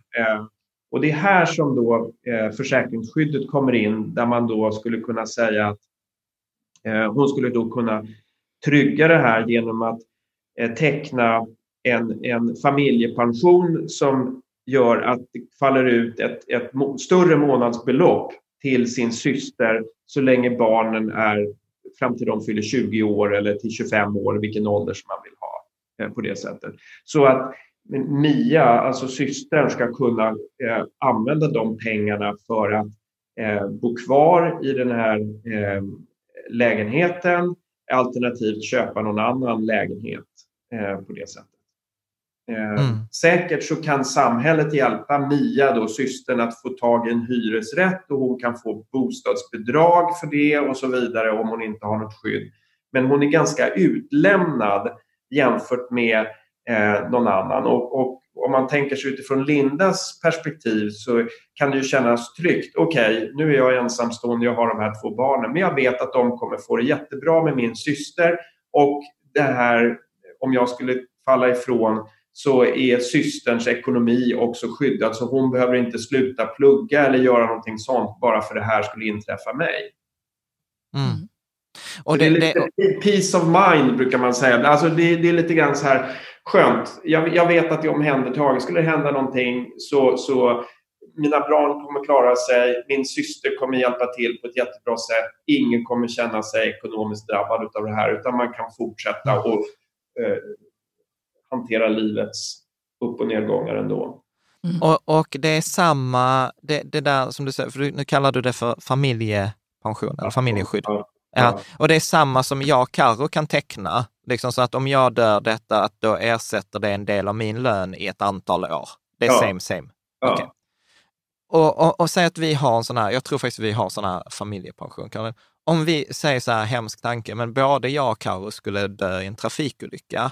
Vem, eh, liksom, och vi har inte specificerat att vem som ska ta hand om våra barn. Det kanske Nej. vi borde göra. Mm, det borde vi kanske göra. Ja. Eh, hur, hur funkar det där? Faller då den familjepensionen ut till då, för min mamma som skulle ta hand om barnen? Eller hur, hur funkar Nej. Det vanligaste är i ett sånt här förmånstagarförordnande, standardförmånstagarförordnande, om man inte har namngivit någonting så brukar man säga eh, make, sambo, partner i första hand, barn i andra hand. Eh, och då ja. skulle det här beloppet då i, i ert fall utfalla barn. Era, era barn. Och är de då omyndiga, ja då är det någon annan som ska då kliva in och ta, ta för, förmyndarrollen och få på det sättet disponera de här pengarna så att det kommer era barn till godo på rätt sätt. Okay. Eh, men, det är ju också intressant, vem blir det då, liksom, om man inte har utsett någon som, som ska ta hand om barnen? Vet du hur det blir? Det känns ju så här, så här lo, äh, fråga, lobbfråga till, till dig. Här. Ja, ja det, sorry. Men, men det är ju inte så att, att om man... Eh, jag kan inte det här ska jag säga, utan, eh, men det, det jag har förstått utav det, när man, när man, det är ju att eh, är det någon då som skulle räcka upp handen om ni har ett, ett syskon eller liksom att, ja, eh, på något håll som säger att självklart, vi tar hand om era barn och vi, vi fortsätter med det och så anmäler man det till, till eh, kommunen. Någon. kan man på det sättet ordna det så att det blir en, en förmyndare på det. Det är ju inte så mm. att barnen per automatik hamnar hos en anonym fosterfamilj om, om det mm. finns några i, i släktingar eller några i närheten som på något sätt räcker upp handen och säger att självklart mm. barnen väljer jag att få bo här. Mm. Men... Bra. Om vi hoppar tillbaka till Linda, så en sån här familjepension typ som ersätter lönen, är det något mer hon skulle ha gjort eller that's it? Det hade varit gott nog. Ja, men man kan ju säga att det finns två, två skyddsobjekt här. Det ena skyddsobjektet är ju systern då som ska ta hand om barnen. Hur, hur, hur kan hon fortsätta att leva sitt liv som, som ehm, vad ska jag säga, en, ny mamma till, till sin systers barn? Um, och, och, det är ju det här skyddet då som täcker då möjligheten att kunna ha ett boende och, och ekonomi att kunna plugga vidare. Eh, det andra är ju ett skydd till det, hennes egna barn. Eh, och där är ju, tycker jag, en sån här spännande grej. Det är jättemånga som får barn, så det första de gör är att starta ett barnsparande. Mm. Eh, ja, men vi sätter av hela eller halva barnbidraget så att eh, barnet ska kunna plugga utomlands eller en start till en bostadsrätt eller vad det nu är. så att säga. Men jag tycker att det bästa skyddet som du kan ge ditt barn det är att teckna en livförsäkring på dig själv. Och det skulle Linda ha gjort här. Att ha en livförsäkring med barnen som förmånstagare. Det innebär att barnen får en eh, bra grundplåt för eh, sitt framtida liv. Eh, och sen då eh, tillsammans så blir ju, eftersom barnen i det här fallet är omyndiga så blir det förmåns, alltså den som blir förmyndare som får, får då eh, ha ett resonemang om hur ska de här pengarna disponeras. Ska de bara placeras på ett konto, att de får använda dem senare eller behövs de på något sätt för att stärka deras eh, uppväxt? Ja. Så jag skulle tycka att, att hon skulle ha tecknat en livförsäkring på en miljon kanske, eller en och en halv och sen så haft barnen som förmånstagare. Eh, då hade de fått en riktigt bra grundplåt i livet. Shit vad jobbigt. Jag får så lite så jobbig känsla i magen. Du vet, jag har ju till och med skrivit en bok om det där med barnsparande och det där perspektivet har jag aldrig haft, som du säger nu, och det it makes sense. Mm. Alltså verkligen, för att det gör ju större skillnad än att spara de där pengarna som vi till exempel gör. Är vi i livet så kommer vi alltid kunna hjälpa barnen, men är vi inte i livet, det är ju då de behöver hjälpen som mest. Ja. Liksom. Mm. Ja, ja, det var. Ta den här tusenlappen som man kanske spar då i månaden eller någonting sånt. Ja, om, om, om man skulle avlida efter två år eller tre år. Ja, men vi pratar om 30, 40, 50 tusen på sparkontot. Ja. Eh, att jämföra med då en livförsäkring på en och en halv miljon som kanske kostar eh, ett par hundralappar eh, i månaden. Ja, ja, precis. Ja, det är... ja, gud, ja, då har man lärt sig något nytt i detta scenariot också. Mm. Ja, jag tycker detta är superspännande. Väldigt spännande. Ja. Ska vi ta, vi har faktiskt två scenarier till. Vi har familjen eh, Storstadspuls, Petter och Sara. Ska jag ta den? Mm. Eh, då har vi Petter, han är 48 och Sara är 42. De är gifta och de har två barn eh, som är 13 och 15 år gamla. Eh, Petter arbetar 75 procent på bank och Sara är konsult i ett stort internationellt företag. Sara reser mycket i sitt jobb och Petter tar ett större ansvar för det praktiska i hemmet. Petter och Sara köpte nyligen sitt drömhus i en närförort till storstaden för 10 miljoner kronor. Villan är belånad upp till skorstenen och de har bolåneskydd eh, via banken. Och Sara avlider. Så om vi ska försöka ta ut nycklarna här, så nycklarna är att de är gifta, så att det, det är bra. De har två gemensamma barn, tolkar jag eh, det här. Mm. Uh, och de har bolåneskydd och säger att det är belånat till 8,5 miljoner. Mm. Mm. Wow. Är det något annat som är väsentligt i scenariot? Nej, jag kan känna igen det här scenariot från det tidigare. Det är bara det att de här pengarna som vi pratar om här är lite större. Det är bara en större volym. Uh, och det här tror jag är ett ganska vanligt uh, storstadsfenomen. Det är två stycken som tjänar bra med pengar Eh, Eh, man är mitt i livet, man, man eh, eh, köper sitt drömhus, man belånar och tittar på, jag har råd med det här lånet för att vi har de här inkomsterna. Men vad händer om det värsta inträffar? Hur ska den andra kunna bo kvar? Och då är vi tillbaks till den här frågan. Hur ser det ut i det här enskilda fallet? Hur, hur har den efterlevande, då, Petter i det här fallet, råd att bo kvar i huset? Det kommer en liten eh, summa från Saras eh, tjänstepension, eh, en TGL, på, på eh, några hundratusen. Eh, och sen så eh, i det här fallet så har hon sagt att hon har inte kvar någon återbetalningsskydd i sin tjänstepension. Hon har valt att ha all sin pension för sig själv. Det finns inget skydd där. Eh, vad betyder det, att uh, hon har valt att ha... Så, som jag har fattat, får jag, får jag testa säga här, ja, återbetalning, ja. så får vi se om jag har fattat. Så till exempel, jag har en tjänstepension på en miljon. Jag har återbetalningsskydd. Som jag dör så kommer du få den miljonen. Medan om jag inte har ett återbetalningsskydd så hade jag haft mer i pension för försäkringsbolaget tar en liten del, men då får inte du pengarna. Är det Nej. korrekt? Mm. Det är rätt. Så du får några procent extra i pension för att du väljer bort återbetalningsskyddet. Ja. Mm. En, dum fråga där också. Eftersom det är en pension, så säger du att jag har en miljon. Får mm. Karo den miljonen i kontanter eller hamnar den i hennes pension? Alltså förstår du vad jag menar? Nej, den hamnar inte i hennes pension. Men eftersom det är en tjänstepension så innebär det att, att Karo får de pengarna som eh, skatt, skattepliktig inkomst och sen betalas de ut under normalt sett fem år. Så att det, den här miljonen, det är ju brutto. Eh, ja. Sen så läggs den ovanpå hennes inkomst. Eh, så netto så kanske det handlar om någonstans eh, ja, Ja, jag fattar. Det blir, men, det blir, men det blir skitjobbigt för det läggs ju ovanpå hennes lön. Så säg då att vi bara hittar på att Karo ja. har sig 30 000 i månaden och sen ja. har jag den där miljonen och så, att, så att det blir också 30 000 i månaden, bara hittar vi på brutto. Ja. Då kommer hon ju dessutom hamna på sån här hög skatt, på statlig skatt. Så det kommer typ bli du kommer väldigt, skatta väldigt mycket. Du kommer skatta bort väldigt mycket. Så tjänstepensionen just nu gick från så, jo men där är en miljon till typ, där är hälften efter skatt. Ja. Ja, det har jag inte heller tänkt på. Det är så här, du, du har också den här... Vad ska man göra istället? Ja, det, är det känns som man bara vill gömma undan det där. Liksom. Ja, det är lite roligt Niklas. Du, du, du har sån här egenskap som en av våra vänner också brukar säga så här, man, är, man, man, är alltid, man mår alltid lite sämre när man har pratat med dig, men man, men man är betydligt klokare och man mm. tänker så här, jävla tur att vi pratade ja. om eh, det här. Eh, för, för dum fråga, livförsäkring, den är netto då? Som jag har ja. livförsäkring och SEP, för det har vi ju. Så om ja. jag dör, då får Karro ut den i handen? Ja. Okej. Okay.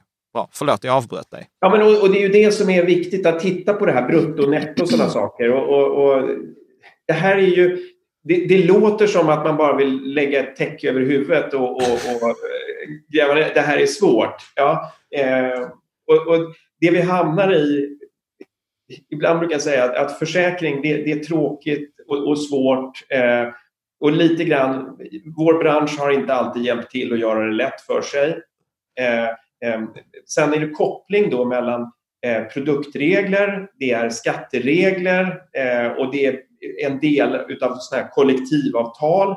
Vi är en del av ett socialförsäkringssystem som är statligt. Och sen dessutom så förändras de här reglerna över tiden. Så beroende på eh, var du jobbar, eh, hur gammal du är och så vidare så ser reglerna lite olika ut. Det är därför man behöver titta, hur ser situationen ut för oss? För det mm. finns nästan inget sånt här exempel som säger att det här funkar precis för alla och så gör mm. alla så och så blir det så. För så är det inte.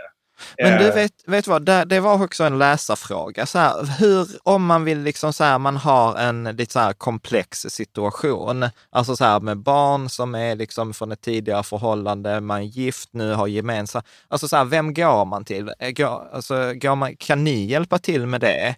Eh, för det eller, eller går man liksom, man ska gå till en vardagsjurist, eller vad gör man? Vad hade du gjort? Vad hade du rått? Någon att göra som har kommit med den frågan. Vi behöver städa ut detta.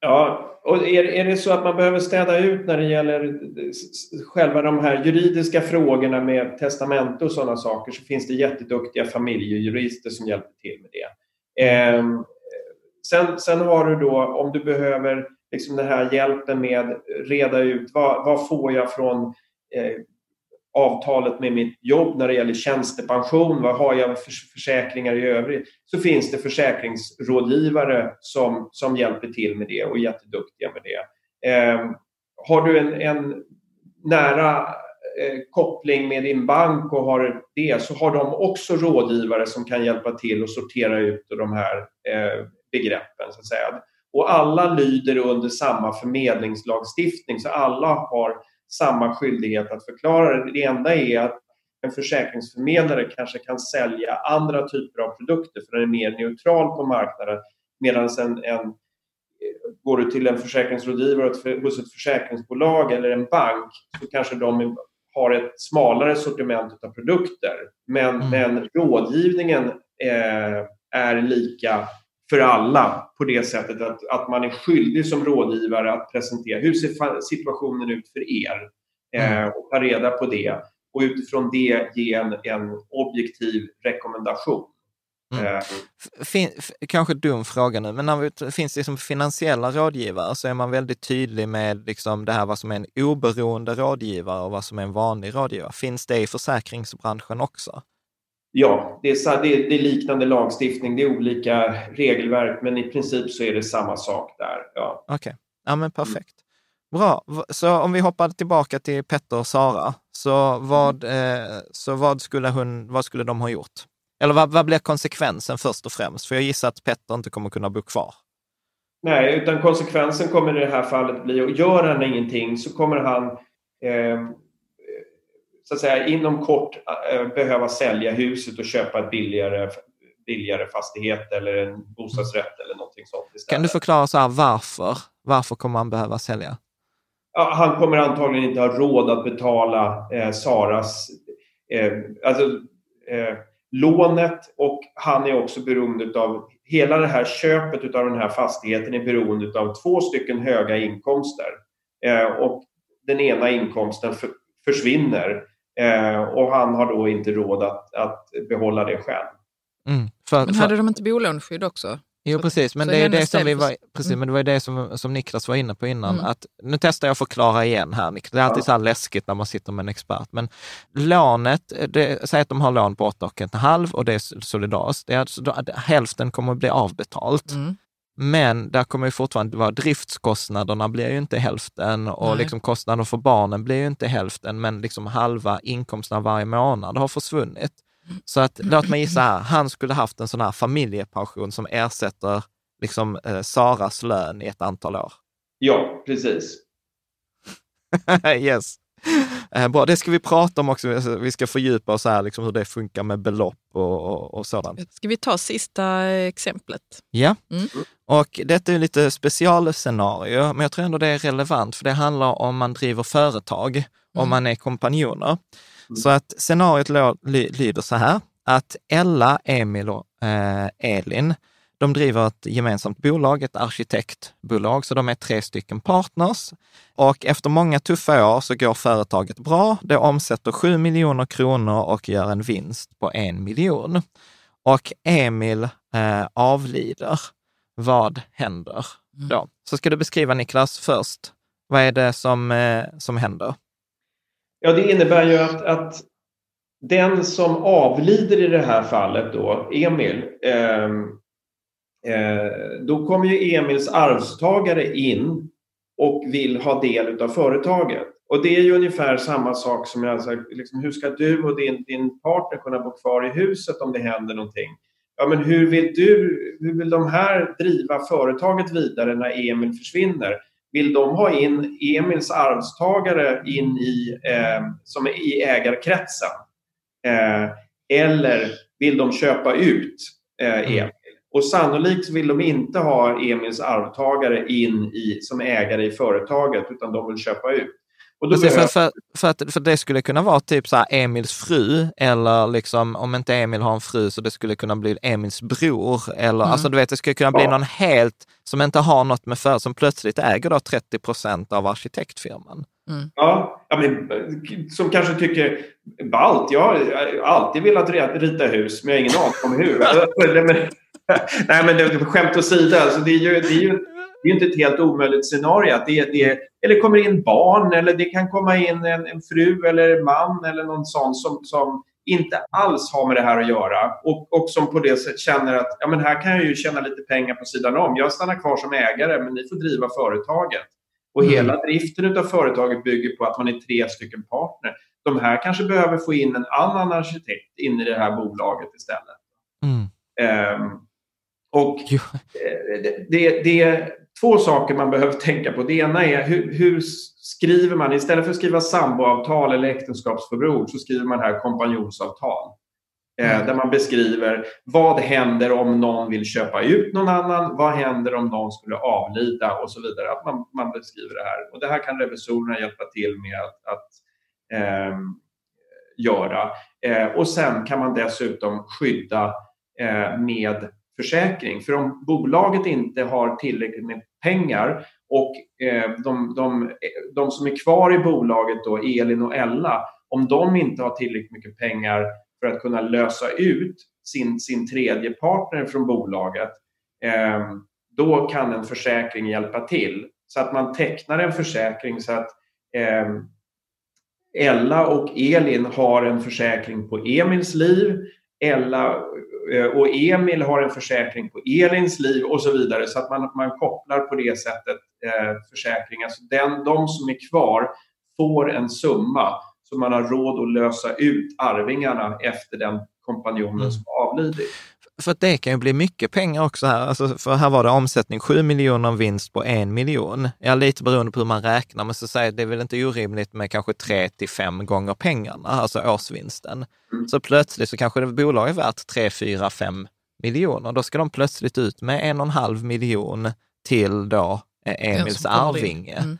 Ja. Så, så, att, så, att då tecknar, så då tecknar man den här livförsäkringen då korsvis på då vad bo, bolagets värde är.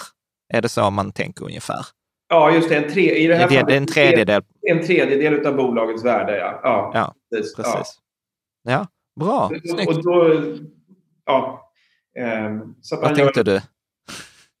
Ja, men då, då, då, då, skulle så att säga de här kunna driva det här bolaget vidare på det sättet och få ut Eh, och det här med, vi gör en del sådana här, dels sådana här kompanjonslösningar men också det här med nyckelmannaförsäkring där man har nyckelmedarbetare. Skulle en nyckelmedarbetare avlida som, som drar in mycket pengar eller som är, är svår att ersätta så kan man också som bolag ha en försäkring på en anställd så att man kan ha råd att ta in en konsult under en övergångsperiod eller, eller ha råd att ta ett, ett eh, göra någon annan lösning. Så att säga. Eh, det, vi satt faktiskt med det här i förra veckan med ett företag som hade det behovet. Eh. Mm. Mm. Mm. Jag tänkte också på fråga, kan man, kan man neka att bli utköpt? Kan man säga så, nej men jag vill inte bli utköpt? Ja, ofta reglerar man det i ett aktieägaravtal, att det är reglerat mm. om du dör så, så har de rätt att köpa de aktierna. Ja. Så du kan inte vägra sälja. Nej. Det är ofta Nej. reglerat i ett aktieägare eller ett Men också privat, tänker jag. Eh, om man eh, vill köpa ut eh, någons ehm, Ja, så, så, att om, om, så att vi inte skulle vara gifta. hus liksom, eller ja, sommarstuga. Ja. Det, ja, då, då kommer det, det finns ju en samäganderättslag som, som kliver in och som reglerar i vilka tillfällen som du har rätt att bli utköpt eller kräva att någon, någon blir utköpt. Så att säga, på det sättet. Mm. Eh. Ja, det är klart att det finns en lag för det. Ja, men det är bra. Det är, Det kan ja. vi kolla upp Jan. Ja, vi läser på. Eh, jag tänker så här att eh, vi har lite frågor från läsare som hänger ihop med de här. Så vi har Erika eh, då, Darjung på Facebook. Mm. Eh, hon skriver så här, olika, försäkringar, olika försäkringsbolag kallar ju för olika saker, men den uppenbara frågan är då, Finns det några andra namn? För nu har vi ju pratat livförsäkring och familjepension eller efterlevandeskydd. Är mm. familjepension och efterlevandeskydd samma sak? Vi brukar kalla så här att efterlevande skydd säger vi, eh, och det, här, det finns ingen sån här branschstandard på det här. okay. Eh, men, men vi brukar säga efterlevande skydd är allting, ett samlingsnamn för alla de här olika typerna av produkttyper. Eh, okay. Sen har vi livförsäkring är en produkttyp, omställningspension eller familjepension är en annan produkttyp. Eh, och det. Men omställning och familjepension det bygger på att det utfallande belopp kommer i rater, det vill säga de kommer månadsvis. Medan livförsäkring brukar vi säga det är ett, ett belopp som faller ut vid ett tillfälle. Men är det mm. någon skillnad på, på, på alltså så här, skill, skillnad, jag fattar att detta är skillnad, men om jag tänker så, alltså om jag får ut en miljon och delar upp det på tio år, och så blir det liksom 100 000 så blir det 8 000 i månaden. Eller om jag väljer att ha 8 000 i månaden i tio år, mm. så blir det liksom, det är fortfarande samma belopp. Förstår du, förstår du hur jag tänker? Ja. Liksom så här, vad, vad är? Jag kan, jag kan inte bara lika gärna ta en livförsäkring på en miljon och sen delar jag upp det själv. Eller är det en poäng i att det ska vara just på månadsvis? För jag litar inte på Caroline, för att om hon får en miljon på engångsbelopp, ja då blir det party. Medan om hon får 8 000 i månaden i tio år, då vet jag att hon kommer ta hand om barnen. Alltså ish. Ja. Jag fick lite blick här av Kalle. Jag funderar på om det finns den här det, det är samma liksom. pengar. Liksom. Alltså, om, du, om du tecknar en livförsäkring där värdet av den här familjepensionen är, är en miljon och livförsäkringen är en miljon så kommer den kosta dig lika mycket att teckna. Ja. utan sen är det mer frågan om att, att hur du portionerar ut de här pengarna. Och då, då innebär det, skulle du ha tecknat en familjepension hos oss eh, som då från din dödsdag betalas ut under en tioårsperiod. Eh, då kommer vi ge ränta på de här pengarna så det kanske blir då 8 000 kronor första månaden och så efter ett år så blir det 9 000 kronor och så vidare så att du får det på det sättet. Medan okay. eh, på den här vanliga livförsäkringen på en miljon som faller ut då gör, du ju, då gör vi klar vår relation. Vi betalar ut de pengarna, sen har du ingenting kvar hos oss. Utan då får du investera dem själv istället. Okej, okay. mm. ja men bra. Då har, då har jag lärt mig något nytt igen. Bra. Sen var det en ytterligare en fråga från Erika då på Facebook. Den andra frågan är så här, hur ska man tänka? Vilken ålder eller familjesituation bör man beakta de olika sakerna? Så att om jag, om jag testar det som jag har tagit med mig hittills, så säger du så här, i skiften i livet, så här, man köper ett hus, man får barn, man gift, flyttar ihop med någon. Är det de tillfällena man ska liksom sätta sig ner och kolla på försäkringar? Eller vad skulle du säga? Ja, det är de tillfällena som saker och ting förändras utifrån ett, ett eh, om, om någonting skulle inträffa, om man skulle avlida. Så att säga. Eh, och det är ju precis som när man får barn. Eh, hur, hur, vad händer då? Eh, man, man, blir sambo, eh, man eh, skiljer sig, ehm, man gifter sig ehm, och sen så då när, när eh, förmögenhetsmassan påverkas, så alltså man köper ett, ett eh, hus eller man köper en bostadsrätt ehm, och så vidare. Alla de skiftena kommer på något sätt påverka eh, hur, hur det blir för efterlevande om man skulle gå, gå bort. Mm. Bra, mm. klokt. Sen har vi en fråga från Morten Regner här på Facebook också. Han skriver eh, så här, i dagsläget har jag en livförsäkring på cirka tre gånger min årsinkomst.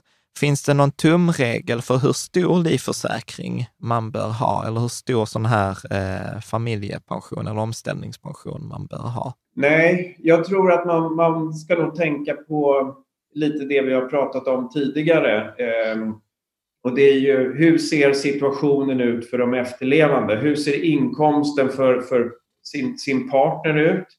Hur, hur ser försörjningsbördan ut för barn? Eh, och vad har man för kostnadsnivå? Eh, är, det, är man... Eh, hur, hur beroende är den efterlevande av inkomsten? Eh, är den, den efterlevande väldigt beroende av den inkomsten som försvinner, ja då kanske tre årslöner inte räcker så långt. Eh, är den andra har en högre lön än, än den som går bort, ja men då kanske tre årslöner är jättebra. Mm. Eh. Bra, för det där också inser jag så här, att vi har gjort fel. Att vi har ju tagit samma på oss mm. båda, mm. medan vi borde egentligen skifta, korrigera, korrigera det. Mm. För att så här, om du dör så kommer inte ekonomiska, min ekonomiska påverkas lika stor del som om jag skulle dö, eftersom jag är den som drar in mest pengar. Mm. Ja, det är också en sån där grej, så här, vi tänker så här, jämställt, vi ska båda ha samma, mm. men nu när du säger det, det blir så, inte make, så jämställt. Det blir ju inte så Nej. jämställt, it doesn't make sense. Liksom. Mm. För vet du vad, för det där var faktiskt, jag tror att det var din, eh, då, en kollega till dig som sa det till mig, så här, Jan, att istället för att fundera i belopp, fundera i tid. Att, att liksom fundera, hur, hur lång ska den här omställningstiden vara snarare än beloppet? Håller du med ja, eller vad tänker du? Och det, det håller jag med om, för det, det går ihop med det här med hur länge har man en försörjningsbörda för barn? För jag menar, det är en väldig skillnad med eh, en, en familj med, med tre stycken barn och, och eh, när, när barnen är säg 8, 10 och 12 år eh, med de kostnaderna som innebär storlek på boende. Tio år senare, eh, då kanske två av de här barnen har flyttat hemifrån. Du kan flytta in i en trea och bo bra i den. Eh, och försörjningsbördan även för den som bor kvar kanske har minskat dramatiskt. Så mm. hur, hur lång tid har du kvar? Och då, då efterlevande då när man är ett, ett par efter att barnen har flugit ut kanske inte alls har samma behov av, av skydd och kan lätt ställa om och flytta till ett annat boende. Kanske behöver en hjälp liksom, ekonomiskt för att eh, man inte ska behöva gå ut på husmarknaden månaden efter ett, ett dödsfall. Men du kan bo kvar i något år och sen successivt ställa om och sen eh, göra någonting. Mm. Bra. Vi har en fråga här från Jörgen Karlsson också på Facebook. Varför löser inte livförsäkringar ut per automatik vid dödsfall? Att ibland så är det svårt för efterlevande att ha exakt koll på det. Och sen var han så här, var, var blir pengarna av som aldrig betalas ut? Är det så? Jag, jag visste inte ens att, det var så att, att man måste säga till, eller? Ja, hur funkar det där? Ja, men... Eh, så om jag dör och Karo inte hade vetat att jag är försäkrad hos er, hade ni kontaktat Karo och sagt så här, du Jan, vi har fått meddelande att Jan har dött.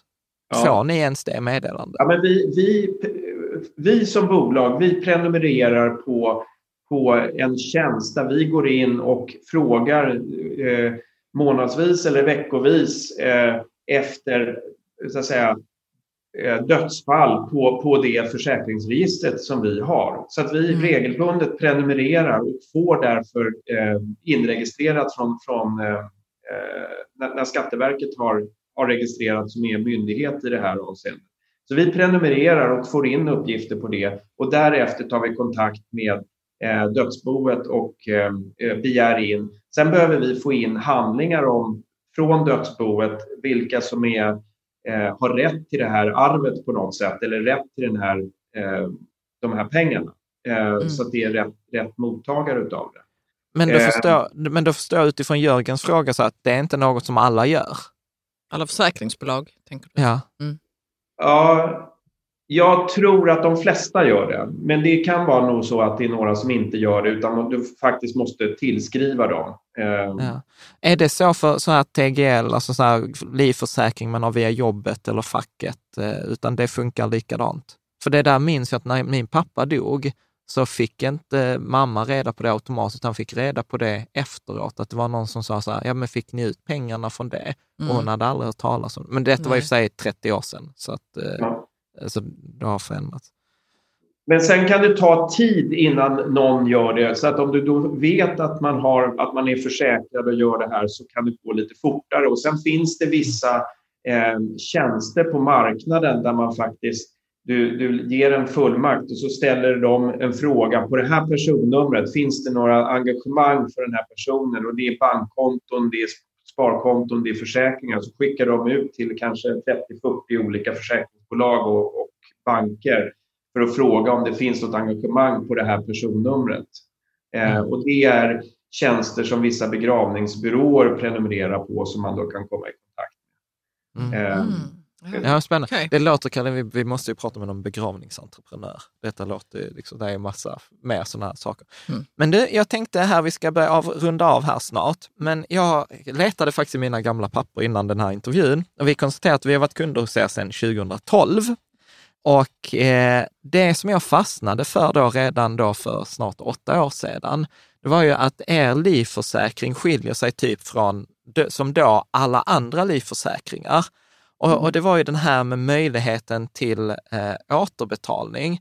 För att vi har typ också så här livförsäkring på Skandia, där, där upplever jag så här, man betalar, betalar, dör jag så får Karo pengar. Men om jag sen är lever när jag är 65, när den försäkringen tar slut, ja då är det så här, ja tack för samarbetet, du hade detta skyddet. Mm. Medan hos er så är det så, lever jag på min 65-årsdag, då kommer ni säga så här, ja men vet du vad, här får du tillbaka en summa pengar trots att du inte dog. Så kan du inte, liksom, vilket för mig blev helt plötsligt okej, okay, att istället för att se eh, liksom, livförsäkringen som en utgift, så börjar jag kanske, kanske felaktigt här se detta nästan som ett sparande. Att jag har det här skyddet, om jag dör så får du pengar, men om jag lever på 65-årsdagen så får jag tillbaka lite pengar. Kan mm. du inte förklara det här? Ja, men, kort, kort förenklat, det som skiljer oss från andra bolag är att vi garanterar dels det här försäkringsbeloppet. Du säger vi försäkrar ditt liv med en miljon kronor. Det är garanterat, det får du. Det gör alla livförsäkringsbolag. Du har ett avtalat belopp. Det vi också gör det är att vi garanterar att det här, den här miljonen, den kostar dig 5 000 kronor om året att försäkra fram till du är 65 eller 70 eller vilken slutålder som du har valt. Så att säga. Och då garanterar vi att de här 5 000 kronor per år aldrig kommer vara mer än 5 000 kronor per år. Eh, och sen bakom det här så ligger ju antaganden om eh, livslängd. Hur, hur länge lever man i snitt? Vi, vi antar eh, en avkastning, vi antar eh, skatt, vi antar vilka kostnader vi har som bolag. Eh, och det ligger ju bakom den här premien på 5 000 kronor per år. Sen verkligheten har hittills visat sig vara bättre än de här antagandena. För de här antagandena är väldigt försiktiga och vi beräknade då enligt aktuella principer på olika sätt. Och då blir verkligheten bättre. Och det vill säga att de här 5 000 kronorna täcker mycket mer än... Eh, det blev ett överskott i, i förhållande till den här antagandet. Då placerar vi de pengarna. Eh, och så har vi haft en, en, god och bra avkastning på vår portfölj. Så det innebär att de här 5 000 kronor kan vi dels rabattera. Så efter fem år så kanske du betalar 4 000 kronor och efter tio år så kanske du betalar 3 500 kronor om året för den här försäkringen. Plus att eh, när du, om du överlever den här försäkringen så tittar vi på hur stor dödsfalls, liksom hur mycket pengar har vi behövt använda av den här premien för att täcka ditt försäkringsskydd och de här garantierna. Och det här överskottet som har blivit, det får du tillbaks eh, som kund eh, som en slutåterbäring om det finns pengar kvar då, det vill säga. Eh, mm. Vi kan inte garantera det här på något sätt utan eh, men hittills så har vi alltid kunnat då ge en slutåterbäring istället. Eh, och det bygger ju på att vi är ett ömsesidigt bolag. När du kommer in som kund hos oss blir du delägare i det här bolaget. Eh, vi har ingen annan ägare att dela ut pengar till än till dig som kund, för det är du som är vår ägare och då gör vi det på det här sättet. Mm. För, för, att jag vet ju att man, ni har på hemsidan så kan man göra någon sån här eh, med testa med hur gammal man är, hur mycket belopp eh, och, och, och, och sådant. För jag kommer ihåg när jag gjorde detta då för åtta år sedan, så var det så här, om jag, för, då var jag 31 eller 30, så jag räknade på så här 35 års eh, tid. Och då konstaterade jag så att nej, men jag kommer få tillbaka en ganska stor del givet de här förutsättningarna. Så ja. att det, det är verkligen en sån grej man kan gå in och göra där och testa den här kalkylen eh, på, på er hemsida. Men du, jag tänkte du sa en grej förbigående, för detta också konstaterade jag när jag jämförde er med andra, att er premie är ganska hög i början och sen minskar den, eller liksom håller sig konstant eller minskar, medan typ vi har Skandia också, som är jättelåg i början, men sen blir den jättehög i mm. slutet. Mm. Kan du inte förklara liksom så här, hur funkar vanliga bolag, hur funkar ni och liksom de här två skillnaderna? Två liksom. skillnader, för det känns ju så här, för jag kommer ihåg att det, jag vet, vi börjar där. Förklara, ja, sen kan jag ställa ja, en följdfråga. Om man ska förenkla, nu förenklar jag så att, så att ja. Skulle antagligen få smisk utan någon aktuarie. Ja. men, men krasst kan man ju säga, vi räknar på dödsfallsantagandet över hela försäkringstiden och kan garantera den här premien. Ehm, en, en, eh, en sån här vanlig livförsäkring med naturlig premie, den tittar på dödsfallsrisken ett år i taget efter varandra. Ehm, så dödsfallsrisken för en 30-åring är ju minimal. En dödsfallsrisk för en 40-åring är högre. För en 50-åring blir den ännu högre och för en 60-åring ganska hög. så att säga. Och på det sättet så betalar du för varje din års eh, risk. att dö i en naturlig premie. Medan vi tittar på hela försäkringstiden och garanterar att du ska aldrig betala mer än så här. Och det innebär att att egentligen för en 30-åring som kommer in hos oss så kan det om man ju bara tittar på den här vid ett tillfälle så kan det framstå som att vi är jättedyra. Mm. Eh, men om du är långsiktig och tänker jag ska faktiskt ha den här försäkringen fram till jag är 65 år och titta på de här faktiska förhållandena då blir vi ganska billiga för en 30-åring, eller vi blir faktiskt väldigt billiga för en 30-åring jämfört med en, en annan produkt på marknaden. Exakt, för, för att här måste jag ändå säga, för att jag kommer ihåg då, tror att vi hade en miljon eller en och en halv miljon vi skulle ha och då skilde det typ, alltså nu, nu var det när vi var 38 år sedan saker har ju förändrats, men då tror jag så att ni kostade typ 4 000 och en vanlig kostar typ 700 kronor om året. om året. Mm. Då. Så, så att skillnaden var så, och då var jag så här, då pratade jag med henne, men ni är ju typ så här fem gånger dyra och då, då fick jag precis den här förklaringen. Ja, men du kan inte bara jämföra när du är 30, du måste jämföra hela försäkringsperioden. Och det var då jag insåg så här, nej men då, eh, det här andra bolaget när jag var 64, alltså då, den var så här jättedyr. Eh, liksom för när man är 64 och man, så var det någon som sa till mig på det andra, eh, andra bolaget, så här, men du vet, det är ändå så här, en av tio män dör ju innan man är 65. Och då blir det ju ganska dyrt att försäkra män. Eh, ja. Ja. Bra, men då fick vi, då fick vi svar på den frågan eh, också. Så att det innebär ju också att, som du också nämnde i förbigående, ni investerar då de här pengarna, de här premierna som betalas in. Och jag tror att jag såg i er senaste årsredovisning att ni hade väl typ 400, mellan 400 och 500 miljoner i förvaltat kapital. Eh, Kan du inte bara så här kort, hur förvaltar den? Är det, har ni aktier eller är det fastigheter eller hur, hur förvaltar ni de här pengarna? Ja, det är ju, vi, vi förvaltar dem så att vi har, har då dels de här garanterade åtagandena, då finns det regler hur man ska förvalta dem. Då är det väldigt mycket räntebärande eh, papper på det. Sen äger vi en fastighet som vi själva sitter och jobbar i i Gamla stan, eh, som är ungefär 25 procent av den här portföljen. Sen har vi en global aktieportfölj, vi har en, en svensk aktieportfölj, och portfölj, alltså vi har fonder, vi har inga direktinvesteringar i, i aktier utan vi kör aktiefonder, globala, svenska, alternativa investeringar i form av hedgefonder och, och den typen av investeringar. Eh, så, att, så att vi har en, en diversifierad eh, fondportfölj utöver den här fastigheten som vi äger. Mm. Har vi några sista frågor egentligen? Ja, vi har faktiskt bara två frågor eh, kvar här. Eh, och det ena var så här från Li på Patreon. Hon frågar så här, vad händer om jag tecknat en livförsäkring hos eh, Allmänna NK-pupillkassan på 20-25 år och sen bestämmer jag mig för att flytta utomlands? Går det att anpassa för, eh, försäkringen till de nya förutsättningarna? Så här gör vi om, om, om man... Om du avslutar en försäkring hos oss och slutar betala premien så sätter vi ner försäkringen i, i, i fribrev. Det vill säga att har du betalt in ungefär halva den premiebeloppet mot din, din skydd på en miljon så får du ungefär 500 000 kvar i försäkringsskydd. Så har du kvar det så länge som försäkringen skulle... på den försäkringstiden som är avtalad. Så det, det, man får, får ett fribrev och så får du del av vår avkastning under perioden och så vidare. Ehm, om man då behöver anpassa för att man flyttar utomlands, behöver öka försäkringsskyddet och inte minska det, ehm, då får du teckna en, en ny försäkring. Ehm, men det som är viktigt är att du måste vara skriven här i Sverige och bosatt här i Sverige när du tecknar försäkring. Sen får du flytta utomlands. Men vi tecknar inte försäkringar på ehm, personer som är bosatta utomlands. Okej, bra. Och sen var det en sista fråga här från Carl Winbäck på Facebook. Jag undrar hur man får ett företag att överleva så länge. Har ni aldrig blivit förfrågade om att bli uppköpta?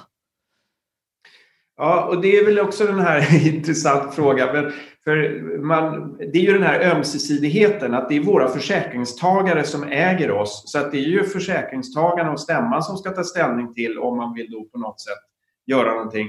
Men så länge då eh, vi har haft en god ekonomi och vi har klarat oss så bra så, så har, har väl den frågan inte varit uppe. Jag tror att någon gång där i början på 2000-talet så var bolagets ekonomi ganska skral och vi hade nästan ingen nyteckning av försäkringar och då var den frågan uppe för diskussion. Jag var inte med då så jag kan liksom inte svara på hur man resonerade men man eh, valde i alla fall att vi ska satsa och ha en, en hållbar eh, tillväxt i bolaget. Och det är det som vi har jobbat med och det är det vi jobbar med fortfarande. Eh, och ehm, jag tycker det är ganska spännande i dessa tider när man pratar om pandemi och man pratar om kris och det. Om man då tittar på den här tidslinjen sedan, sen mitten på 1700-talet när det här bolaget någonstans började eh, och tänker på alla de kriserna som det här bolaget har varit med om och överlevt. Eh, det är en ganska häftig resa för det har varit världskrig, det har varit ekonomiska krascher, det har varit tidigare pandemier, flera stycken. Eh, och eh, det här bolaget har stått pall. Eh, Mm. eh, och eh, det ska vi fortsätta med. Precis. Mm. När man har ett sånt bolag så är man också så här, man, man vill ju inte vara den som säger detta bolag har överlevt i 230 år, men det var på mina år som det liksom... Eh, som det inte klarade, så det inte klarade sig. Nej, men du, eh, eh, jag, tänker, jag tänker så här, eh, Niklas, om man är, är, intresserad av att titta på sån här, typ en sån här omställningspension eller familjepension eller livförsäkring, då gör man enklast, gissar jag, så här att man kan använda då vår sponsrade länk och gå till, eh, till er hemsida och där kan man testa, göra en sån här intresseanmälan. Och man kan också testa, se så här, vad, vad kostar det och vad blir en sån här, utifrån den här modellen, kan jag få tillbaka några pengar, hur mycket blir det, etc. Och sen så kan man skicka in en sån här intresseanmälan, eller hur går processen till? Ja, men man kan gå in och laborera och leka lite grann på hemsidan för att se vad det är för någonting. Eh, man kan själv ta fram en, en, liksom en offert på, på sig själv på det sättet. Eh, sen kan man då skicka en intresseanmälan. Då kan vi skräddarsy offerter för eh, det behovet och då kan man också ringa till oss eller, eller mejla till oss och säga att jag har det här behovet eller jag ser det här scenariot. Hur kan ni hjälpa mig? Eh, då kan vi ta fram offerter på det. Och sen när man väl har bestämt sig, jag vill köpa en försäkring. Då kan man antingen köpa den direkt på nätet eh, och teckna där och signera med mobilt bank-id med hälsodeklaration och alltihopa. Alternativt så, så får man en offert från oss och så på papper ansöker och skickar in på post. Mm. Perfekt. Är det något annat man ska tänka på? Eller det... Jag minns ju att det var ganska straight forward när vi gjorde det, yeah. men det var ju länge sedan. Nej, utan det är, det är straight forward och sen så har man några frågor så ringer man och så pratar man med oss så hjälper vi och reder ut det hela. Det är inte mm. svårare än så. Ja, mm. ja, men snyggt. Vi brukar alltid ställa en sån här fråga. Eh, om du skulle tipsa om en bok, vilken som helst, det kan vara skönlitterärt eller lagstiftningen om försäkringsförmedling.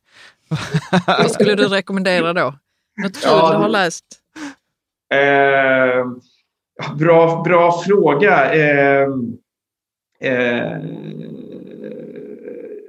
jag har, har, faktiskt ingen som är uppe just nu eh, på, på tapeten. Men, men eh, jag tycker att det är spännande. Jag har spännande, otroligt mycket spännande artiklar just nu om ledarskapet kring Sveriges modell i coronakriset kopplat till ledarskapet i näringslivet. Att vi har en speciell, det här istället för att peka med hela handen hur man ska göra, så det här enskilda individuella ansvaret. Och jag tror att där har jag fastnat väldigt mycket och tycker det är otroligt spännande att se mm. hur det här kommer att utvecklas. Ja. ja jag håller helt jag med. Håller med. Mm. Eh, är det någon fråga som du tänker att vi borde ha ställt som vi inte eh, har gjort?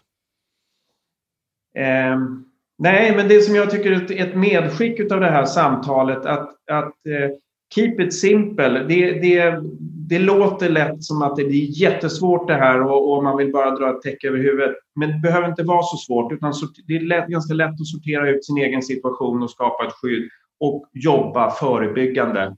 Det är alltid mycket lättare än, än att jobba i efterhand. Mm kloka ord. Jag tror att det är så här, bättre avslutning än så här blir det Nej. inte. Eh, jag tänker så här Niklas, ett fantastiskt stort tack. Jag tror vi kommer få tillfälle att få återkomma. Mm. Eh, för jag tror detta är, liksom, det märker man också på antalet frågor som kommer in. Vi hann ju inte ens ta alla läsarfrågorna. Så ett fantastiskt stort tack för att du tog dig den här tiden och ditt tålamod här med oss och en massa frågor. Tack så mycket tack. Niklas. Tack själv, jättekul att få vara med här. Tack.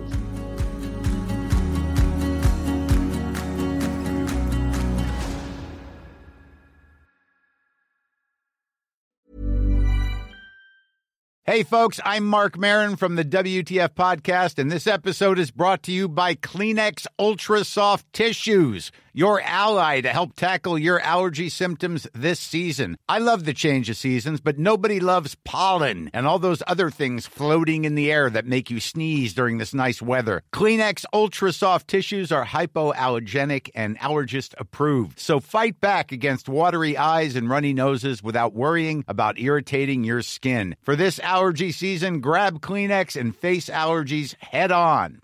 Mom deserves the best, and there's no better place to shop for Mother's Day than Whole Foods Market. They're your destination for unbeatable savings, from premium gifts to show-stopping flowers and irresistible desserts. Start by saving 33% with Prime on all body care and candles. Then get a 15-stem bunch of tulips for just $9.99 each with Prime. Round out Mom's menu with festive rosé, irresistible berry chantilly cake, and more special treats. Come celebrate Mother's Day at Whole Foods Market. When you make decisions for your company, you look for the no-brainers. And if you have a lot of mailing to do, stamps.com is the ultimate no-brainer. It streamlines your processes to make your business more efficient, which makes you less busy. Mail checks, invoices, legal documents, and everything you need to keep your business running with stamps.com. Seamlessly connect with every major marketplace and shopping cart. Schedule package pickups and see your cheapest and fastest shipping options from different carriers. With rates up to 89% off USPS and UPS rates. And with the Stamps.com mobile app, you can take care of mailing and shipping wherever you are. Make the same no-brainer decision as over 1 million other businesses with Stamps.com. Sign up with Code PROGRAM for a four-week trial, plus free postage and a free digital scale. No long-term commitments or contracts. That's stamps.com. Code program.